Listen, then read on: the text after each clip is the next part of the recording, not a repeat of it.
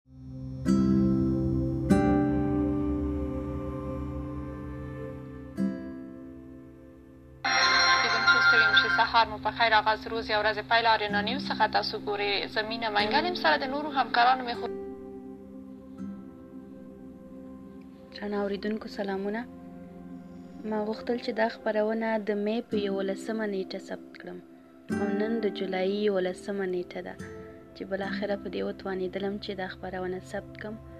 او تاسو ته وړاندې کوم په دې هیله چې دا ځلې بالاخره کامیاب شم او وتوانېږم دا خپرونه له تاسو سره شریکه کوم لکه څنګه چې تاسو د خپرونې په سر کې واورېدل څه ناڅه اندازه به تاسو ته لګېدلې وي چې دا خپرونه زما د همکارې مینا منګل په اړه ده هغه خبرې هغه معلومات چې کې دی شي تاسو لپاره نیوي وي کې دی شي تاسو ورڅخه خبر نه وي هغه بل تاسو سره شریک کوم کومې خاطرې چې زه له مینې منګل لرم کومې خبرې کوم معلومات چې د هغې د شخصي ژوند په اړه او د هغې د رسمي ژوند په اړه ما درلوده تاسو سره به دلته په پوره صداقت سره زه هغه معلومات شریک کوم مینا منګل په 2009 میلادي کال کې هغه مهال چې زه په شمشاد تلویزیون کې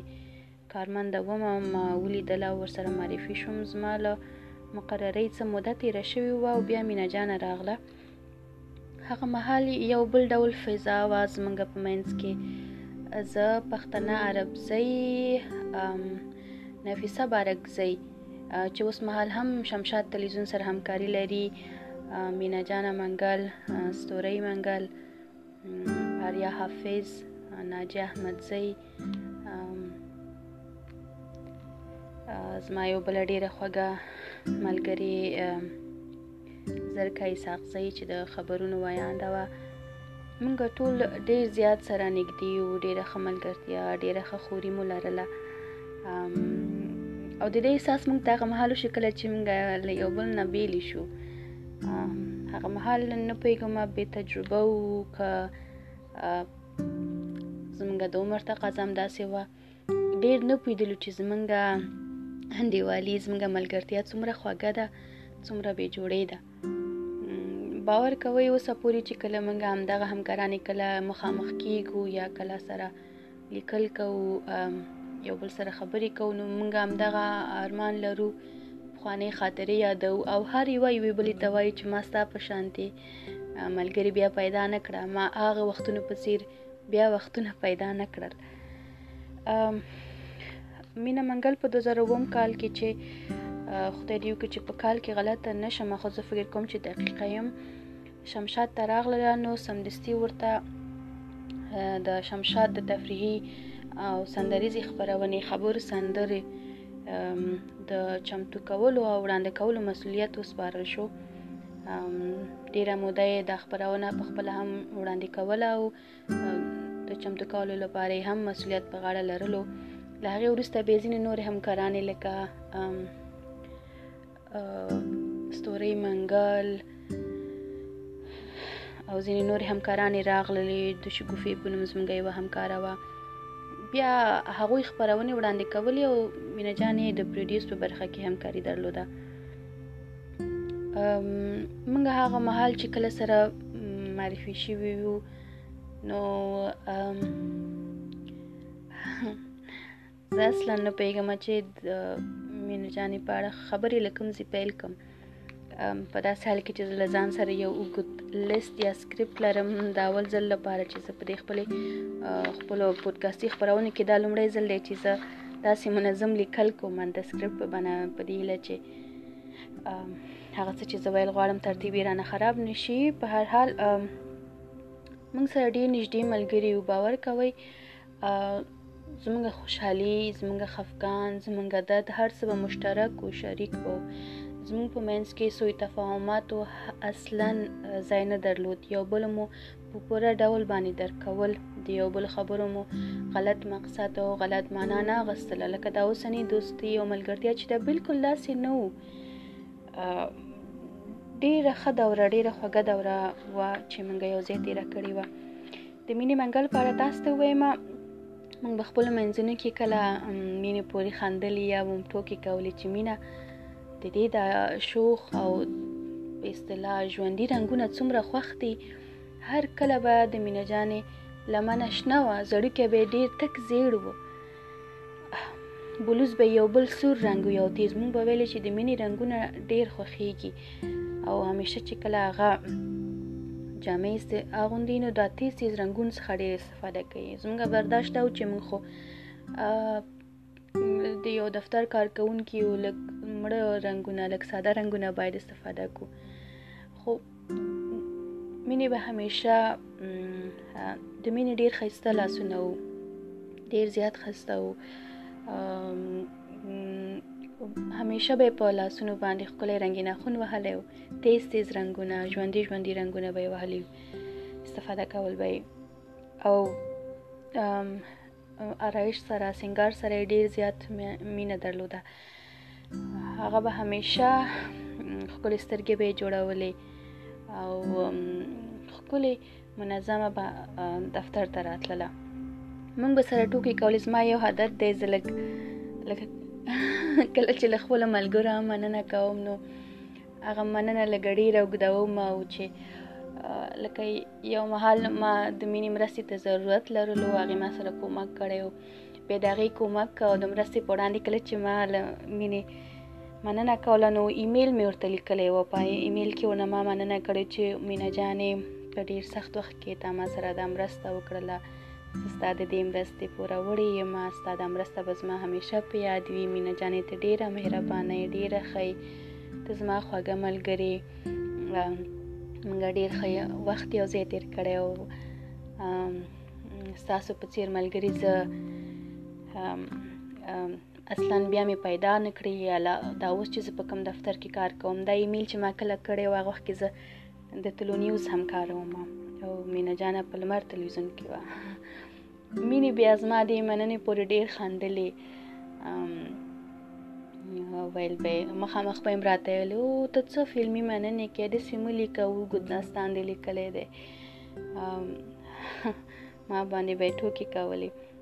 یو ورځ یې پښتنۍ عربزي ته هم کیسه کوله چې دې ما نه په دې ډول مننه کړې ده ما یو کوچنی کار ورته وکړو دا ما نه په داسې فلمي شکل باندې او دا دونه داستان لیکي ټوکې به یې کولې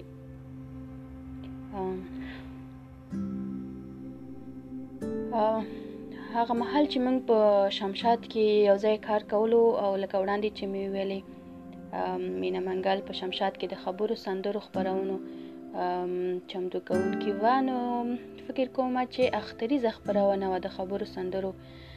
او ما خبري څنګه سره همکاري درلوده زه په خبرونه کې دعوت کړم او هغه مهال برښنا سیدی خایسته شایسته په نوم یو زموږ همکار او چې تخلص مې هم دا اوس په ذهن کې نه راځي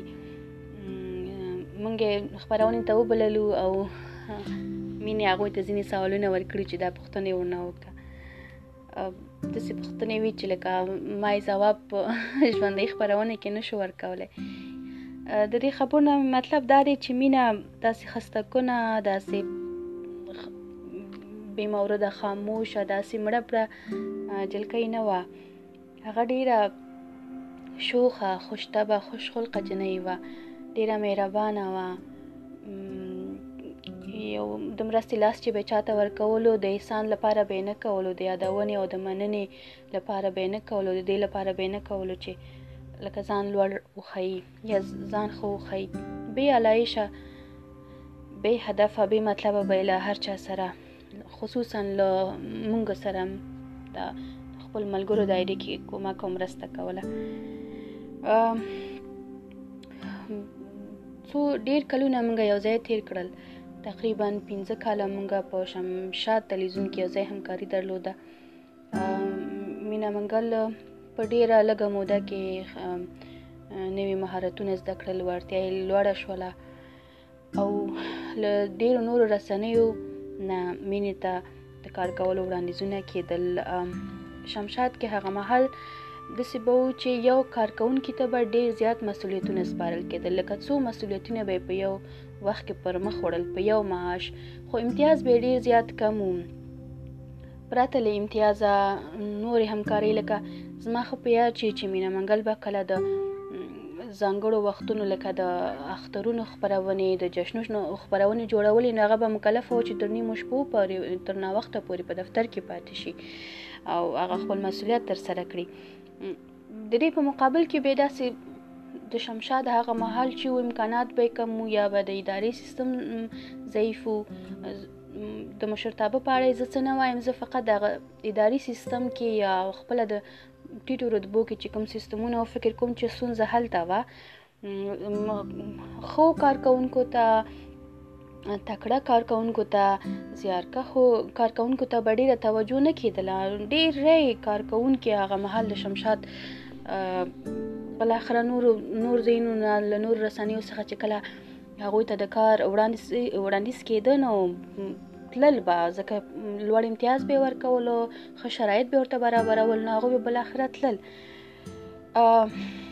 که شمشاد سره چیرته د هغه محل کارکونکي تر اوسه پورې وی او ساتلی وی نو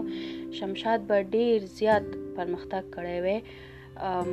په هماغه ځکه به پاتې نه وی لکه کله کله زه فکر کوم چې شمشاد تلویزیون د پرمختګ پر ځای شاتګ کوي کېدای شي زما دا برداشت سم نه وي خو دا زما خپله ارزونه ده په هر حال مینې هوډ وکړ چې په یو بل رسنۍ کې کار وکړي په ښه امتیاز په ښه شرایطو سره او شمشاد پرېږدي زما همدا اوس هغه ورځ د سپیا د لکه تیر اونۍ چې یا تیر ورځ چې هغه وخت تیر شوی وي مونږ ته د مینې منګل او بیلتون او له دفتره تګ ډیر زیات سخت وو په عین حال کې هغه مهال د سیستم و چې هر کار کوونکی چې به په دفتر کې کار کولو ښه به و له دفتره به لاړو خدای پاماني به یې وکړله بیا به ښه کار کوونکی نمک حرام شو بد کار کوونکی به شو بدو خویونو کار کوونکی به شو ورپسې به لوی لوی میټینګونه او ناستې جوړېدلې او منفي تبلیغات به ورپسې کېدل زما هغه منفي تبلیغاتي غونډه همدا اوس په یاده شوه چې کله مینه منګل دفتر پرېښوده او لاړله په بلې رسنۍ کې په ښه امتیاز په ښه وظیفې موقف او ښه شرایطو کار پیل کړ نو زموږ په دفتر کې یو ډول یو ډول غوغا پیدا شوه په شمشاد تلویزیون کې او یوه عمومي ناسته جوړه شوه او په هغه عمومي ناسته کې ډېری منفي خبرې ډېر منفي تبلیغات چې ګواکې مینا منګل نمک حرامه ده دلته یې زده کړه له له دې دفتره اوس لاړه په بل ځای کې کار کوي او شمشاد خو ډېره ښه اداره ده او دا نورې ادارې ډېرې خرابې دي او ډېرې داسې نورې خبرې زه اوس پوهېږم چې مینه منګل څومره کلونه وړاندې څومره پیاوړې وه څومره تکړه وه څومره بااستعداده وه چې د شمشاد تلویزیون پرې خود څخه تللی او بل تلویزیون کې د کار پیلولو یې لکه لوی لوی چارواکي د شمشاد تلویزیون ورخطا کړي او خفه شوي که چیرته هغه یو عادي کارکونکې وي واقعا ټمبله وي واقعا کاری نه وې زده استعداد نه درلودې نو نه به څوک په تک خبرېدل او نه به پر اتک خبرېدل دا په خپل د مینا منګل د لوړ استعداد خودنه کوي چې زه اوس شخصا په پوهیږم او پوه شوی یم د مینې خو د جلسې په منګه باندې دومره اغیز وکړ چې منګه هڅه وکړله چې مینه بیرته پخلا کو یا مینې ته ووایي چې ته بیرته شمشاد ته راشه زنګونه ورپسې وهو میسجونه ورته وکړو چې ته راشه ګواکې زمونږ شمشاد د پښتنو ډګر دی او زمونږ قدر او عزت په شمشاد تلویزیون کې دی او نورې رسنۍ چې دي لکه مونږ هغه مهال زمونږ عمرونه ډیر کم وو زمونږ تجربه ډیره کمه وه مونږ اکثره د ښوونځي زده کوونکي یو مونږ ته چې به هر څه ویل کېدل مونږ هماغه منل فکر مو کول چې دا مشران دي دوی صحیح خبره کوي دوی به څنګه غلطه خبرې کوي په سیاستونو په نورو مسایلو په دې خبرو موږ نه پوهېدلو مشر چې به یو خبره وکړه لکه ښوونکی چې یو خبره کوي زده کوونکی په هغې کې هېڅ پوښتنه نه لري وایي چې ښوونکی مې مات دا خبره کوي حتما سمه ده هغه وخت کې موږ زه شخصا په دې باور وم مینه دومره پیاوړه پیاوړې او دومره په اراده او کلک هوډ او تصمیم می قاطع و چې هغه په خندا او مسکا به موږ ته وویل چې تاسو تاسو پسې غفه ما سمه ده تاسو زما ډېر ښه ملګری یاست خو زه دومره بې تصمیمه نه یم دومره بې ارادې نه یم چې یو ورځ لکه له یو دفتر څخه خدای په معنی واخلم بل دفتر کې زه رسمي کار پیل کوم او بیا بیرته د هغه دفتر څخه بیرته تل راشم هیڅ خبره هم نشته خیرتی دا مونږ ته ویلې او چاپریال انسان پورې اړه لري که انسان غواړي ځان ته محیط ښه کولی شي او که وغواړي محیط ځان له ډېر خرابولی شي موږ سره به ټوکې وکړلې چې دا زما تبې پورې اړه لري که زما تبه خرابه شو ځان ته محیط هم خرابوم اکثرا هغه وخت کې دا فکر موږ سره نه و ما سره خپله دا نه ما په ازادي راډیو کې په ښه امتیاز په لوړ امتیاز په ښو شرایطو هغه مهال چې زه په شمشاد تلویزیون کې کار کوونکی وم کار پیدا کړم له دوو آزماینو فکر کوم چې تیر شوم له یوې مرکې هم تیر شوم بریالي شوم خپل عکسونه اسناد می د ازادي رادیو دفتر ته وسپارل په یوې کوچنۍ غوښتنه چې حاجی سیف فضل کریم د شمشاد مشرتابه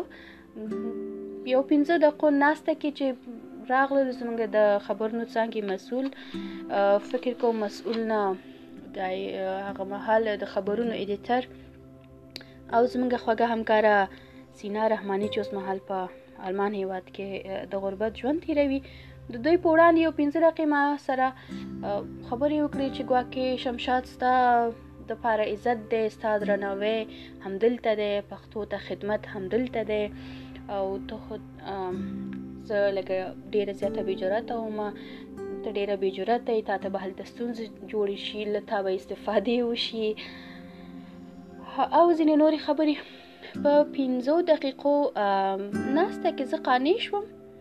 ما ډیر زیات ښه چانس له لاسه ورکړ له هغې وروسته ازادي راډیو ته ما ته زنګونه وهل چې یعنې موږ ته اوس ته ولې نه راځې یا حد اقل تلیفون وکړه او ځواب راک ما تر ډیره موده پورې ناپوهي وه بې تجربګي وه ما د ازادي راډیو تلیفون نه ځوابوه او په یوې وړې خبرې زه بالکل بېرته په شمشاد کې پاتې شوم یعنې زما اراده زما تصمیم دومره خام وو اما مینا منګل یو پیاوړی یو قوي یو هوډمنه انجلۍ و په ډېرې کوچنیتوب کې په دغه وخت کې چې لکه موږ ټول هم عمر او ډېر کم څنګه عمر تفاوت درلودلو که زه د چانه مړ شوم شاید یو کال که زه د چانه کړ شوم شاید یو کال یا څو میاشتې موږ ټولو تقریبا یو سنو سال درلوده په دغه وخت کې چې زما فکر دومره خام وو زما تصمیم دومره خام وو مینه جانه ډیره قوي ډیره زړوره او ډیره په خپل پریکړې او په خپل تصمیم باوري جنۍ وه ښه په څو کال وروسته په 2014 کال کې چې زه هغه مهال د شمشاد تلویزیون کارکونکي وم او مینا په لمر تلویزیون کې د لمر د سهارنۍ خبرونه چلون کې و کارم کولو وړاندې لیدې چې لاړه شم په لمر تلویزیون کې او چې زه د خپل د واده او د کوژدې د خاطراتو یادونه تاسو ته وکړم هغه مهال چې موږ په شمشاد تلویزیون کې وو مینه منګل او موږ به د میرمن بهیر په نوم باندې یو یو لړۍ نه وی پیل شوی و څه موده له پیلې دا تیریده موږ ټولو به هڅه کوله چې شمشاد موږ ته په اونۍ کې یو څو ساعت وخت راکړي ترڅو او دا شرایط موږ ته برابر کړي ترانسپورتي شرایط چې موږ ته د میرمن بهیر تر غونډو ورسوي او بیرته بیا موږ دفتر ته راشو هغه خپل مسؤلیتونه ترسره کړو مینه به هم موږ سره هغه مهال میرمن بهیر ته تلله بهیر په اړه به کې ډېر شي ډېر اوریدونکي معلومات ولري میرمن بهیر د ښځینه لیکوالو شاعرانو او ادبي فعالینو یو یو مرکز دی یو غورځنګ دی چې له ډېرو کارونو لا هیڅ ما ته دقیق د کار د پیل نیټه معلومه نه ده خو زه فکر کوم چې دا بهیر هم په 2014 یا و میلادي کلونو کې پیل شوی دی لکه مونږ هغه مهال چې د شمشاد کارکونکو په دې اړه مو معلومات ترلاسه کړل او بیا به مونږ د غونډې ته تلو مینی بالته لکه څنګه چې په شمشاد کې په ډیره لنډه موده کې له ټولو همکارانو سره نیکې اړیکې درلودې خپل استعداد ټولو ته وخود په همدې توګه په میرمن بهیر کې هم هغه خپل ورتیا ثابت کړه ډیر ښکلي شعرونه به ویل که تاسو متوجه شوي یاستئ یوه څېړنه ده چې ښیي چې د ختیځو برخو اوسیدونکي چې دي هغوی معمولا ډیر ټوکماران دي ډیری ټوکی کوي په نور ملنډي کوي د خبرو پر مهال باندې لکه یو بل ټیله کوي یا په زمونږ دری ژبه کې چورته د ستاندازي وایي ټیله کاو لاس وهو څپېړې ورکاو ډېرې ټوکې وکاو داسې خاصیتونه لري د شمشاد تلویزیون هغه مهال تقریبا ټول کارکونکي د ختیځو ولایتونو په ځانګړې توګه د ننګرهار وو او د ننګرهار ریانو زما شناخت چې څومره دی ډېر ټوکې کوي یو نفر نه مضمون جوړ که په هغې خبرې وکړه او رشخندي وکړه او ټوکې وکړه لکه دوستانه فضا کې د سینې چې خدای مکړه منفي اړخوي نه په ملګرتیا کې په دوستانه انداز کې نه پوهیږم چې دا به حقیقت وي او که څنګه د مینې ژوند ډیر لند وو دا فرصت یې رانه کو چې ونه پښتنه مې کړې وې یا زما به تفاوتي و کښ کې مې ونه پښتنه کړې وې اوس به مې تاسو سره دلته دا معلومات شریک کړې وې او ټولو همکارانو به ټوکی کولی چې مینې داسې یو شعر لیکلی دی چې د شعر څو بیتونه دي چې زما یار داسې دنګ دی لکه اوخ په لارو کې روان وي لکه اوخ که د رمو په منځ کې روان وي لکه اوخ ټول همکارانو به مینه منګل ډیره زیاته زوروله او مینه دومره په حوصله وه دومره په ټوکو پویدله زه اوس پورې د ټوکو لکه ډیر زغم نه لرم ډیر زر قاریږم ټوکو ته کله توهین او سپکاوی هم ویم زم چې دا سپکاوی دی دا توهین دی خو مینه داسې نه وه مینه به دومره خیسته خندلې همدا اوس د مینې هغه خندا هغه انداز هغه څیره زما د سترګو په وړاندې دا اوریدونکو مینې به په ډیر خیسته انداز خندلې اول به ښه ډیر ساعت وخندلې او بیا به ویلې چې نه ما داسې نه دی لیکلی تاسو هسې دا ما پسې جوړ کړي دي تاسو ما ځوروئ ما داسې شعر نه دی لیکلی او همکارانو به ټولو ویلې مینې هغه شعر دی ته موږ ته د کلمه کا زما یار دی لکه اوښ د رمو په منځ کې روان وي لکه اوښ او مینې به په ډېر ورین تندي په ډیر ښه انداز باندې د همکارانو دغه په دې ټوکې باندې پوهېدل او په ډېر ښه شکل به جواب ورکول او خاندلې به له شمشاد وروسته مینې جانې په لمر تلویزیون کې کار پیل کړ لکه وړاندې چې مې ویلې د لمر تلویزیون سهارنۍ خپرونه پر مخ وړه ډېره ښکلې ډېره ښایسته به ښکاره کېدله د شمشاد تلویزیون شرایط هغه مهال دومره ښه نه و ځکه چې مسلکي مکیاژوره یا سنګار کوونکې نه وه د سنګار مواد یې ډیر خراب ول موږ خپل به اغستل دفتر نه هغه به کله دفتر اغستل ادارې به کله امکانات برابرول او ډیر وخت به برابرېدل هم نه د بازار له سره اتیا او پنځوس افغانۍ د مخ پوډر او نور وسایل ریمل او دا سامان به مو اخیستلو د ویښتانو جوړولو خو اصلا شمشاد کې اجازه نه وه د ژوندۍ رنګونو کارول شمشاد کې ښه دود نه و خراب دود و د بد اخلاقۍ نښه وه چې چا به تیز لپسیرین وکارولو او یا به تیز لکه وړاندې چې ویل حتی زموږ ذهنونه هم همداسې عیار شوي چې هر چا چې د تیز رنګ لرونکې جامې واغوستلې ښه نه ده چا رنګې ناخونو ووهل نوکانې پرېښودل دا ښه کار نه دی چا ښه سینګار وکړلو شونډې یې سرې کړلې دا د بدۍ علامه ده هلته هغه وخت هم داسې ذهنیت درلود موجود و خدای دې وکړي چې اوس دا ذهنیت موجود نه وي نو مینه به په لمر تلویزیون کې ډېره زیاته ښکلې ښکاره کېدله د مینې دوستانو دومره ښایسته سترګې وې چې تا به ویل چې ورته همداسې ګورم او ویښته یې ډېر زیات ښکلي ګڼه او نرم جلا لرونکي ویښته یې وو ډیره ښکلې ځلا به یې کوله پرته له دې چې ته کوم کریم ورته استفاده کړي یا سپری استفاده کړي یا جل وکاروي مینه به چې کله په لمر کې خپرونې وړاندې کولې منظم ښکلي ختان به ورته د لمر ادارې جوړول خو مناسب خو آرایش به ورته کړ ډیره زیاته ښکلې بخکاری ده مونږ ټولو به لکه داسې لکه حواس بم کېدلو چې یو ورځ مونږ دا کوم ځکه چې مینا جانه ده مونږ هم یو ورځ همدغه موقف ته ورسیږو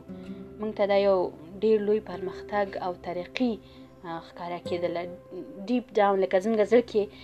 چې کله مونږ ځان سره مونږ ته به دا یو ډیر لوی پرمختګ ښکارا کېدل خو خیر د شمشاد دننه بیا موضوعات فرق لري نور نه غواړم چې په دې خبرونه کې په دې اړه څه خبرې وکم بیا په 2014 کال کې زه په شمشاد کې له خپل یو همکار سره زه نامزاده شوم کوژده مو سره وکړه د کوژدې مراسم محفل چې کله وو زه چې سالون ته څنګه نه نوتلم نو زما ټولې همکارانې سوسن ناصری خاطره خوشمند فکر کوم چې اوس خاطرې خپل تخلص ته بدلون ورکړی دی او فکر کوم چې اوس خاطره صافي یادېږي هغه وخت کې شمشاد کې چې کله زموږ همکار او خاطره هوشمند پښتانه خدای بخلی مینا دوی ټولې داسې قطارې په یو قطار کې ولاړې وي او لکه لکه یو منظم خط چې وي هماغه مهال چې زه له خپل ژوند ملګري سره سالون ته دننه ننوتلم نو اول سترګې چې زما ولګېدلې په مینه باندې مینې خپل دا سر زموږ د یو بلې همکاري په ولي باندې یې خو داسې او داسې مړه مړه ما ته کتلې لکه لکه لکه د خفغان کتلې یو ما ته یو یو ډول کتلې ما ما چې په مینه سترګې ولې کېدلې نو د زما کوژده په داسې حالت کې کېدله چې زما مور خور او ورور مسافر وو او زمونږ ډېر خپلوان هم څو ستونزې ورته پیدا شولې وی نه شو کولی چې راشي زما د کوژدې محفل ته نو هغه زما په کوژده کې چې زما لخوا څوک زما ملګری وي صرف نور څوک نه وو ډیر نور څوک نه وو نو مینې ته چې په مینې چې کله زما سترګې ولګېدې یو ډول ژړا راغله ستونی مې ډک شو مینې بیرته سمه نیغه بیرته ودرېدله پوه شوه موږ یو بل ډیر زیات درک کول لکه وړاندې چې مې ویلې زموږ په زړونو کې چې به یو خبره وه بل به خدای په پوهېده سترګو کې چې به یو بل ته وکتل پوهېدلو به چې موږ څه ویل غواړو زموږ زړه کې دي څه زه فکر کوم چې مینا په ما باندې دستی پوه شو چې زما زړه نازکه شو سم ودرېدل او خندا شو خندا شو راته ویلې په مغزي کې ټوکې را سره شروع کړلې له هغې وروسته بیا ما په تلونیوز لومړی په رکوزیا او بیا په تلونیوز تلویزیون کې له موبي ګروپ سره کار پیل کړ همکاري یو څو ودا تر څو چې ما کار پیل کړی وي زه بې وظیفې پاتې شوم نو هغه څه بودیجه چې ما ځان سره لرله زما معاش هغه مې مصرف شو فکر کوم چې دوه یا درې میاشتې زه بې وظیفې پاتې شوم بیا د مینه منګل په همکارۍ باندې زه موبي ګروپ ته لاړم او هلته هغې راته لارې چارې وښودلې او ما هلته کار پیل کړ د سیوه ورځ راغله چې ما سره د کرایې پیسې نه وي ما مینې ته مخامخ وویلې چې یو دوه سوه افغانۍ راکړه چې زه تر کوره لاړه شم لاړه شم ما سره کران نشته خو پوهېږي چې څو موده کېږي وظیفه مې پرېښې ده نو پیسې نه لرم بودیجه مې مصرف کړې ده خپله خدای مه بخلي مینه په خندا شوه وای ښا ولې نه ما ورنه دوه سوه افغانۍ غوښتلې وي او هغې لاړله خپل دسکول نه یې ما ته زر افغانۍ راوړلې ما ورته نه دا ډېرې دي فقط دوه سوه راکړه نوره چې زه کور ته لاړ شم پلار نه مې او ورور نه به مې چا نه به مې پیسې واخلم وینا زه واخله معاش چې دی واغسته زه خیر دی بیا دوه زره افغانۍ راکړه سود سره یې راکړه لکه وړاندې چې مې ویلي مینه ډېره ښایسته خبرې کولې همیشه ټوکي همیشه شوخي همیشه په ډېر ښه خوشخلقي باندې خبرې کول د هغې عادت و او بیا چې زه زما لومړی ورځې وې په اریکوزیا کې ښه زما د ژوند تر ټولو لومړی او اوږده تج... کاري تجربه په شمشاد تلویزیون کې وه چې تقریبا اووه کاله ما په څه د پاسه اووه کاله ما په شمشاد تلویزیون کې کار وکړ او له 2005 څخه تر 2014 پورې ډیر له ووم ډیر کیږي چې ما په شمشاد تلویزیون کې کار وکړ نو ذهن مې بل ډول عیار شوی و لکه خدای مکړه نور ادارې نور دفترونه ښه کارکونکي نه لري ښه سیستم نه لري ښه مشران نه لري خدای نکا درناوی به نه وي پکې عزت به پکې نه وي موږ ته داسې دا خبرې پېچکارې شوې وې زه د اتم ټولګي زده کوونکې وم چې زه شمشاد ته لاړم او تر ننه پورې چې زه نن زما شخصیت تکامل ته رسېدلی بشپړ شوی دی زه بې تجربې یا ډېره خامه یا ډېره ځوانه نه یم لکه اوس زه هغه حد ته رسېدلی یم چې زه باید په هر څه کې پوهه ولرم زه تر ننه پورې هم دا بد ډیر بد عادت لرم چې مشران یا څو کسان چې و خبره ماته وکړي زه خوش باوري کوم زه زر هغه خبره منم فکر کوم چې همدا خبره صحیح ده دروغ ماته یو خبره دی او کس نه ښکاری دی او انسان چې یو خبره کوي پغې کې زه په اسانۍ سره شک نه کوم یا نه ویم چې نه دا به حقیقت نه وي ماته ایسته حقیقت خبرې ښکاره شي نو مینې ته زما عادتونه معلوم ول مینې په بشپړه توګه زه پیژندلم چې زه څه رقم یم مینې به سهار خپله خپرونه پر مخ ویوړله په لمر تلویزیون کې بیا نور مسولیتونه او سبا لپاره د خپرونې لپاره چمتووالی د میلمنو را بلل او ډیر نور مسولیتونه یې د پردو تر شا د تلویزیوني کارکوونکو مسولیتونه درنو اوریدونکو ډیر زیات وي سکرین کې خو مونږه خبرونه ګورو یو درې ساعته دو ساعته یا نیم ساعت یو خبرونه وي او ویان پکې خبرې کوي خو د هماغه شل دقیقې نیم ساعت یا د څو ساعتونو خبرونه چمتو کول ډیر زیات وخت او انرژي غواړي سره له دومره مصروفیتونو او بوختیا او د مینې یوې بلې خبرونې مسولیت هم لرلو چې زه فکر کوم چې داسې خبرونه و چې انګلیسي مطالب به ژباړل کېدل په پښتو هغه وایس اوور به پښتو متن به مینې لوست هغه مسولیتونو سربېره به د لمر له دفتر څخه تر ارکوزیا دفتر پورې راتلله چې ودانیم فرق لري مینس کې فاصله هم شته دی ما سره به صرف د څه وخت تیرولو لپاره صرف د دې لپاره چې زما خیال وساتي صرف د دې لپاره چې هغه زما ویره کمه کی صرف د دې لپاره چې زه ډیره تر تاثیر لاندې رانه شم ډیره ونه یریږم راتلله په ډیر خوشتبه خوشخلقی په ټوکو ټکالو په ورین تندي به راتلله او خپل وخت به ما سره هر ورځ تیراوه تر څو چې زه هلته بلده شوم او هغه ویره او تر همې لږه کمه شوه او له منځه لاړه لکه وړاندې چې مې ویلې د همدې نیکۍ مننې لپاره او بیا ما مینې ته یو ایمیل وکړ زموږ د دفتري ایمیل له طریقه او نه مې مننه وکړل چې تا ما سره ډېره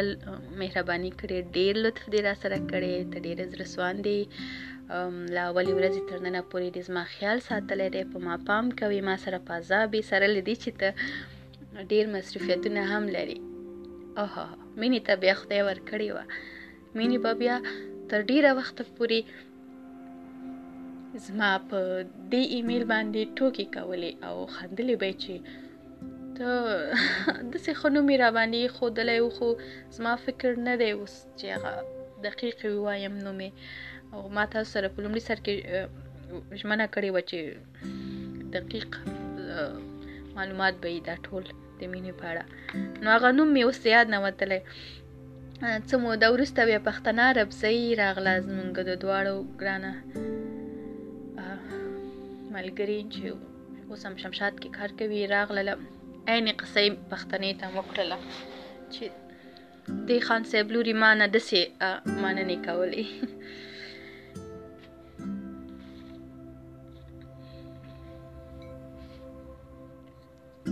له هغې وروسته څه موده موږ سره یو ځای تر تامخانې پورې تلو یو ځای مو د غرمې ډوډۍ خوړله کله به مو هڅه کوله چې یو ځای د سهار چای موسکو او په دفتر کې وخت تیر خو بیا له څه مودې وروسته زه په خپلو کارونو کې ډېره زیاته بوخته شوم او زما په وړاندې د مینې مسولیت هم کم شو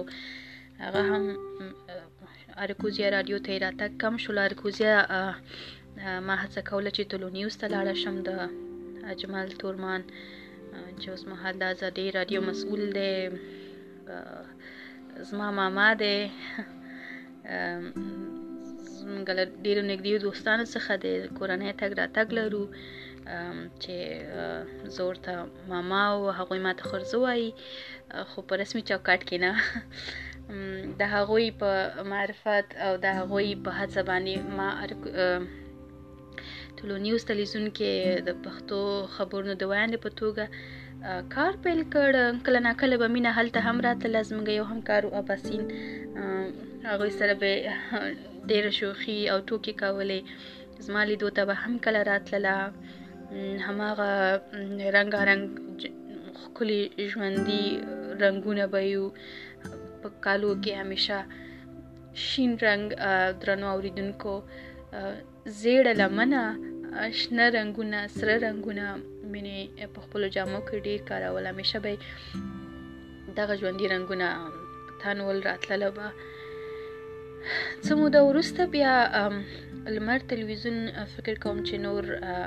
مالی امکانات ډیر کم وو او نشرات یې اول کم شول او بیا وروسته په بشپړه توګه ژوندۍ خپرونې او نور کوم تولید چې کېده هغه لمنځه ولاړ چې په دې توګه باندې مینا جانې ته او د لمر تلویزیون ډیر نور کارکونکو ته فکر کوم چې د یوې میاشتې معاش له ورکړې سره او له ستاینلیکونو له ورکړې سره هغوی رخصت شول مینې له دې وروسته په آریانا تلویزیون کې وظیفه پیل کړه او زه پاتې شوم په طلوع نیوز کې دلته مو یو وار بیا منځ کې بیلتون راغی سره لري پاتې شو خو ټلیفوني تماس مو درلوده هغه اخلاص مینا د یو بل په وړاندې درک د یو بل د خوښۍ او د په غم کې د شریکوالي هغه حس او مسؤلیت مو لا هم درلود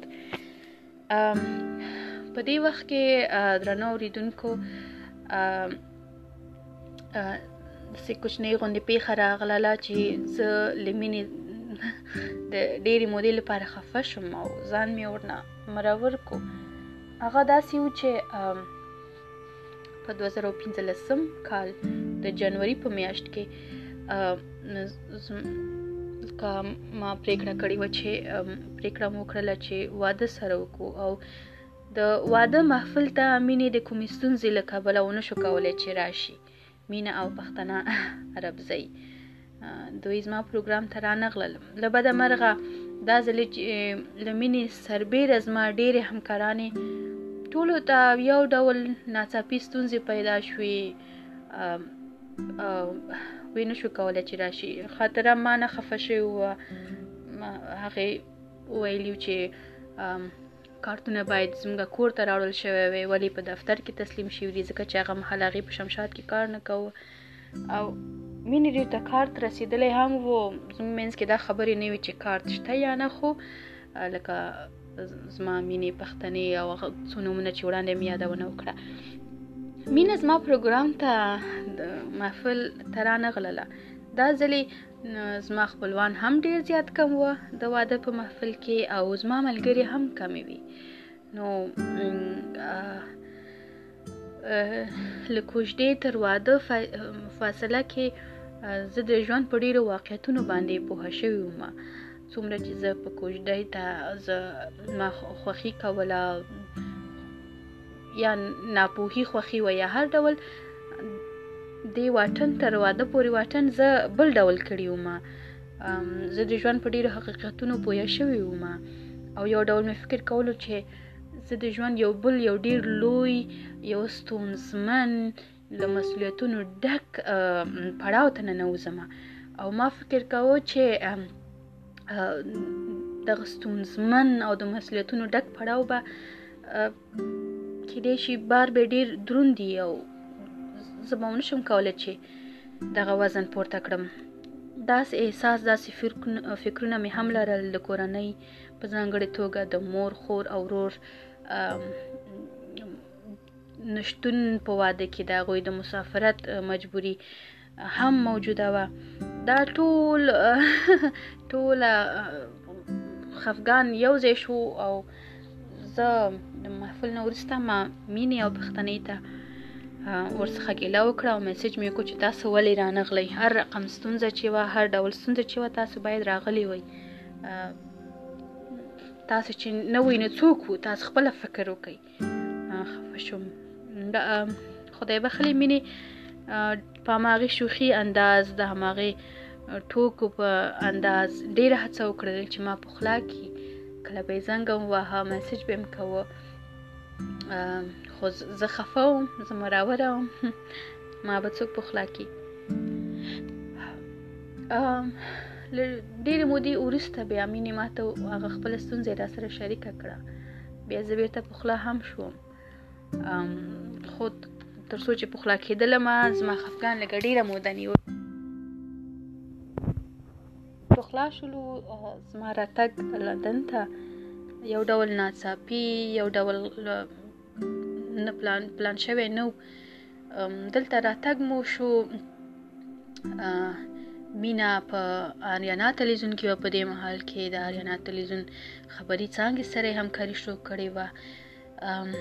د مینې په شخصیت کې د مینې په کاري وړتیاو کې د مینې په ادبي هلو ځلو کې د په ټوله کې په مینه کې یو ډول تحول رامنځته شوی په ژوند کې یو ډول لوی بدلون حس کېده کله به ما فکر کولو چې دا څه چې مینې لیکلي دي او پوسټ کړي دي دا اصلا مینه نه ده یو ورځ فیسبوک کې ډېر ښه تحلیل لیکلی و د ولسي جرګې د ځینو غړو په اړه ما فکر کولو چې دا دا تحلیل اصلا د مینې نه دی مینه څنګه د سیو څلی کی ځکه موږ د مینې همیشه هغه تفریحي بڼه لیدلې و د مینې شوخي مو لیدلې و په سیاست کې دومره لوړه پوهه دومره لوړ درک دومره لوی تحلیل اصلا باور مې نشو کولای چې دا مینه ده واضح وایم مینې سره مې ټوکې کول دا ته یې خاندلې وینا پیریان مې دي زه نه یې منه کله به ویلې زه یو منیجر لرم یو مستر منیجر دی غیر راته لیکي ټوکې به کولې په آریانا ټلویزیون کې چې کله د آریانا نیوز سره همکاري پیل کړو مینا واقعا خوشاله وه ډیره زیاته خوشاله وه او هغه به همیشه ویلې چې لکه اصلا هغه څه چې دی غوښتل او په تمه یې وه په کاري چاپریال کې هغه همدغه بخش و همدغه د خبرونو برخه وه چې همیشه ارمان درلوده خو فکر کولو چې دا به یې وړتیا نه لري اما ډیره ښه وځلیدله په آریانا نیوز کې سهارنۍ خپرونې به وړاندې کولې د آریانا نیوز بحثونه او تحلیلونه به کول ډیره ښه خبرونه او بریالي خبرونه وړاندې کولې له هغې وروسته چې زه مسافره شوم او یو ناڅاپي سفر باندې لندن ته راغلم او ما په دې منډو رامنډې کې ما ونه شو کولی چې له خپلو خپلوانو دوستانو او مینې څخه خدای پمانی واخلم یا حتی دا فرصت هم برابر نشولو چې زه له مینې خدای پمانی واخلم یو زنګ ورته ووهم دلته له راتګ وروسته مینې پسې سرګردانه وم هرې همکارې سره چې به مې اړیکه نیوله ستورۍ سره ستورۍ له مینې اول لري هغې د ستورۍ سره چې به مې خبرې شوې به مې اول پوښتنه همدغه وه د شمشاد له ملګرو له مینې اول لري هرې وی به ویلې نه له مینې اول نه لري د نفیسي بارکزۍ سره چې به مې خبرې کولې له مینې اول لري څه نه څه لږ مات نیمګړ معلومات به نفیسي راکړل همېشه به مې زړه ته راتلل زما ډېرې زیاتې ملګري دي چې په شمشاد کې چې موږ ډېرې زیاتې ښه اړیکې لرو زر کې ساقزۍ سره زه یو ډول د زړه اړیکه لرم لکه یو نه یوازې زه هغه هم چنان که زه خدای مکړه خفه اوسم په ما سختې ورځې وي زر که احساس لري زه خوبونو ته ورځم ما په خوب کې ویني زه زړه کې راځم ورخطا یې خفه یې زنګ راپسې وهي همدس کې خدای مکړه د زر کې په سرم درد وي خدای ماته احساس راځي منګه دومره نږدې اړیکه لرو په همدې ډول له ستورۍ منګل سره له پښتنې سره له هریا له ناجیه له ټولو همکارانو سره اما په دې وخت کې چې زه دلته په دې مسافرۍ کې وم مینه ماته د دې ټولو همکارانو نه بل ډول پیادېدله بل ډول هغه زما زړه ورپسې درد کولو بیخي بیله او راغي پسې خفه کېدلم له هر همکاري سره چې به مې خبره شوه بیا به مې پښتنه د مینې کوله مینې پسې سرګردانه وم ډیره موده ورپسې وګرځېدلم پیدا مې نشو کړلی په دې ترڅ کې مې له نفیسې نه ځینې خبرې واورېدلې زړه ته مې نه ولیدلې مال چې د مینې له خولې زه دا کیسې واورم مینه پیدا کړم یو ډول یو بخښنه ورنه وغواړم چې ورته توضیحات ورکم ورته تشریح کم صفایي ورکم چې مینې تا زما راتګ ناڅاپي وکړو ته ما نه په دې خفه چې دا سره خدای پامانی ونه شوه زه به ورته ووایم چې دا دا زما دا تېروتنه قصدي نه وه دا یوه سهوه رانه وشوله یو سرګردانې وي یا زه به هغه حالتو ته تشریح کوم په دې خو بلکل مطمئنه یم چې مینه ما درک کوي او پوهیږي اما مینه ما پیدا نه شوه کړی څه موده خبره شوم چې مینې واده کړی واده شوې ده او مینه خوشاله نه ده دفتر ته نوره نه ځي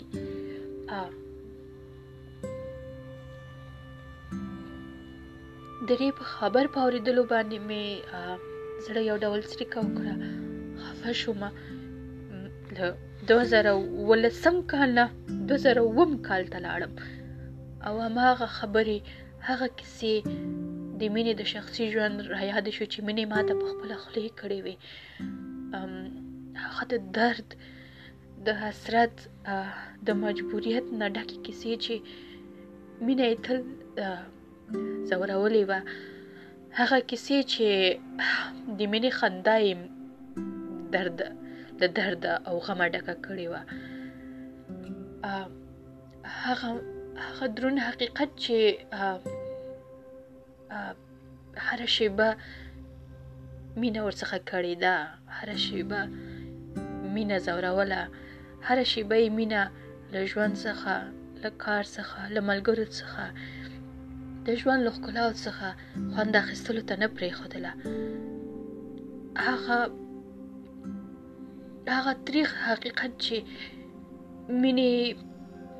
که هر څومره هڅه کوله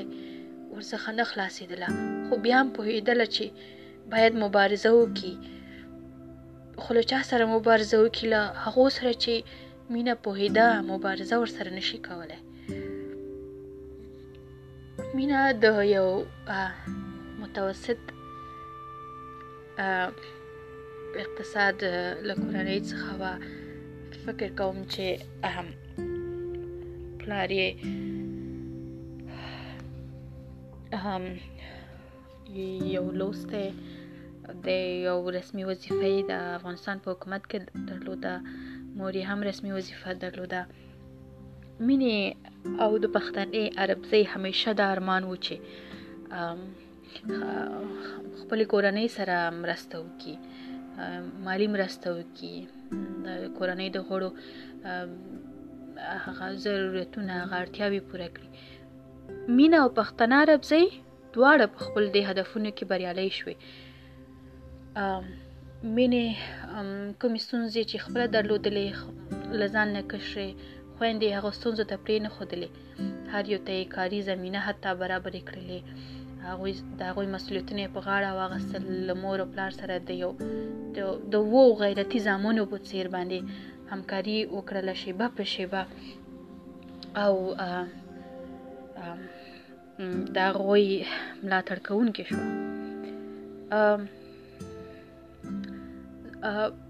د دې خبرونې ثبت لکه د خبرونې په سر کې چې مې ویلې زکه دوه میاشتې وخت ونیو چې زه یو ډول کشمکش کې وم نه پوهېدلم چې دا واقعیتونه زه دلته له تاسو سره شریک کوم او کنه خو زه بل اخره په دې نتیجه ورسېدلم چې شاید د مینې د ملګرتیا هغې سره د پیژنګلوي د مینې د مینې څه ناڅه پور زه کېدی شي په دې ډول باندې ادا کړی شم دغه دوه میاشتې چې مینه هیڅ زما له زړه نه وځي زما روح یې دردولی دی کېدای شي د زړه او د اروا درد مې څه ناڅه د دې حقیقتونو په ویلو سره لږ څه راکم شي نو په همدې هڅه یم او دلته زه ټولې هغه خبرې کوم چې سل فیصده واقعیتونه لري حقیقت دی کم و زیات پکې هیڅ یوه خبره هم نشته او اوس چې د مینې د شخصي ژوند په اړه ځکه مې خبرې تاسو سره شریکوم دا د مینې په خولې د مینې لخوا مونږ ته ویل شوې کیسې دي مونږ ته معنا مې زمونږ هماغه د ملګرو ډله وه چې څو ځلې مې یادونه وکړه او زما سربیره دغه ټولې ملګري هم د دې خبرو شاهدان دي او الحمدلله ټول ژوندۍ دي کوم اوریدونکو کې چیرته څه شک پکې ولري څه پوښتنه پکې ولري نو زه نشم کولای چې د و او تو ژوندو ملګرو په وړاندې لکه دومره اضافي خبره وکولای شم د مینې په وړاندې دا لکه ازما وجدان دا اجازه نه راکوي خا په هر حال مینا په ډیر کوچنیتوب کې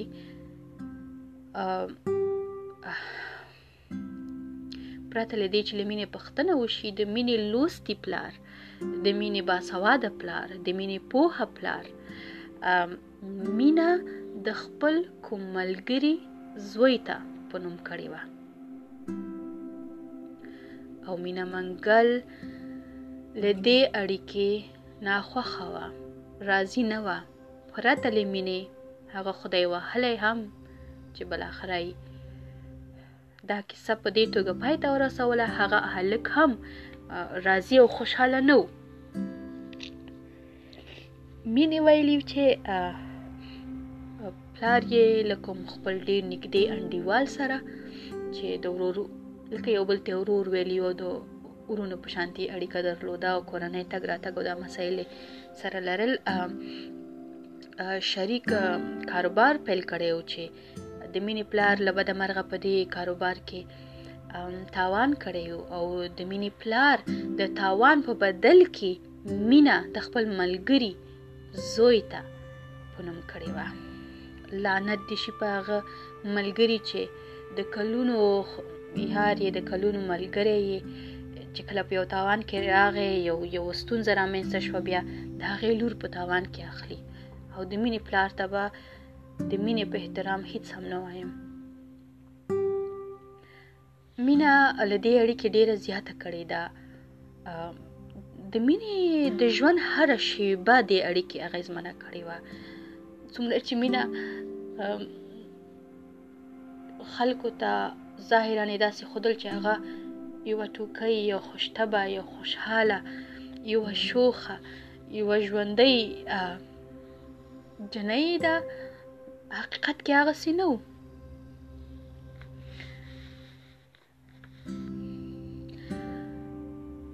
حقیقت کې مینا هر شیبه هر ثانیه کړېدل او زورېدله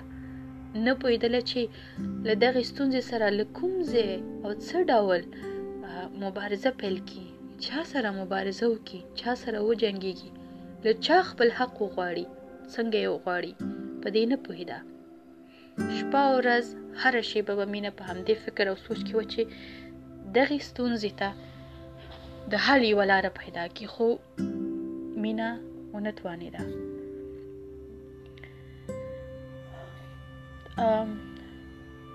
ډیر کلونه دا او هغه هلک د یو بل په نوم یا نامزاد پاتې شول په دې وخت کې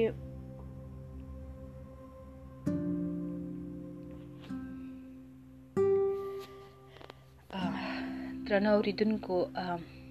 د دې خبرونه بل برخه په وی بلې اډیو کې تاسو ته وړاندې کوم مننه